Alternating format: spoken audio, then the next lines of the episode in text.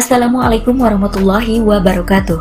Sahabat, Anda saat ini sedang mendengarkan akun podcast Narasi Pos Media. Saat ini bersama saya Maya Rohmah dalam rubrik Syiar yang berjudul Syafaat ditulis oleh Firda Umayyah, kontributor narasipos.com.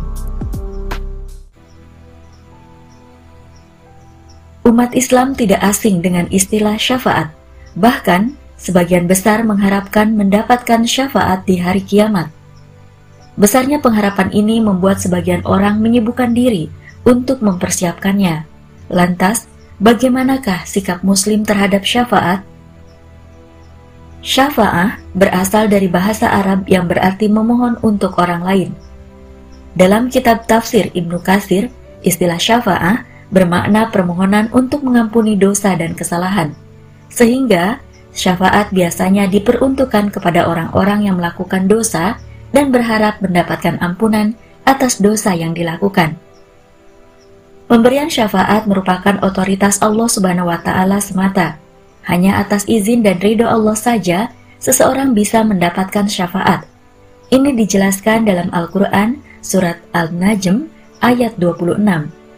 Allah Subhanahu wa taala berfirman, "Dan betapa banyak malaikat di langit syafaat mereka sedikit pun tidak berguna, kecuali apabila Allah telah mengizinkan, dan hanya bagi siapa yang dia kehendaki dan dia ridhoi.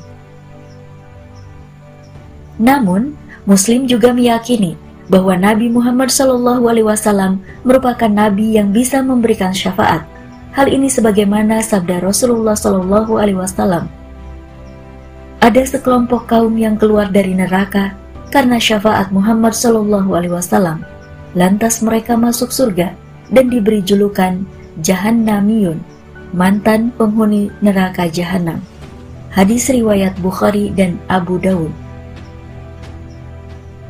Sekalipun syafaat merupakan hak mutlak dari Allah, maka perlu dipahami bahwa syafaat hanya diberikan kepada orang-orang yang beriman namun berbuat dosa. Syafaat tidaklah diberikan kepada mereka yang tidak beriman. Hal ini sebagaimana yang dijelaskan dalam firman Allah Subhanahu wa taala. Mereka tidak berhak mendapatkan syafaat atau pertolongan kecuali orang yang telah mengadakan perjanjian di sisi Allah yang Maha Pengasih. Quran Surat Maryam ayat 87 Dalam tafsir Ibnu Katsir dijelaskan bahwa syafaat hanya diberikan kepada orang yang telah mengadakan perjanjian di sisi Allah yang Maha Pemurah saja Perjanjian itu berupa kesaksiannya dengan mengatakan kalimat syahadat. Aku bersaksi bahwa tiada Tuhan selain Allah. Lalu ia mengamalkan hak dari kalimat tersebut. Oleh karena itu, maka jelaslah bahwa orang yang mendapatkan syafaat hanyalah orang-orang yang beriman dan dipilih serta diridhoi oleh Allah Subhanahu wa taala. Sehingga kafir atau non-muslim tidak berhak mendapatkan syafaat karena kafir tidak bersyahadat dan beriman kepada Allah Subhanahu wa taala.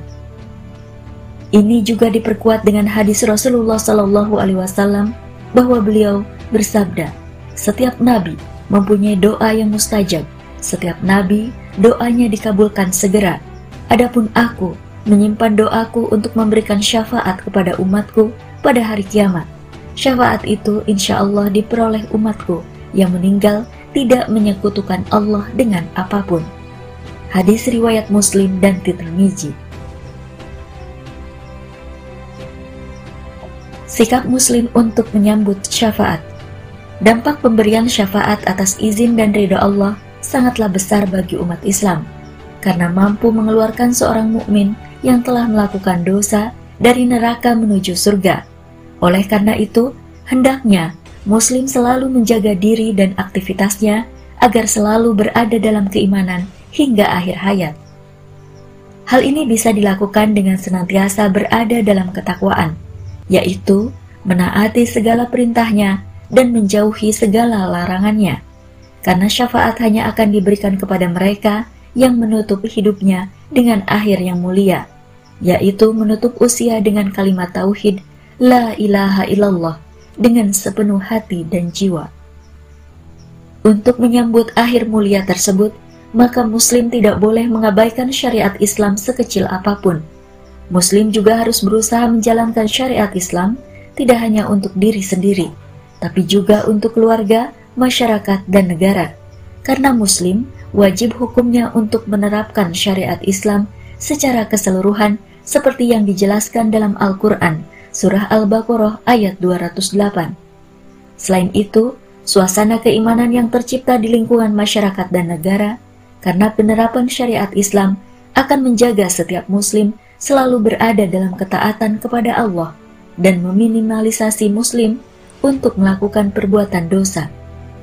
Sehingga muslim akan senantiasa menjadi orang yang beriman yang bisa mendapatkan syafaat kelak di hari kiamat. Rasulullah Shallallahu alaihi wasallam bersabda, "Aku adalah orang yang pertama kali memberikan syafaat di surga dan aku adalah nabi yang paling banyak pengikutnya." Hadis riwayat Muslim. Wallahu a'lam bissawab.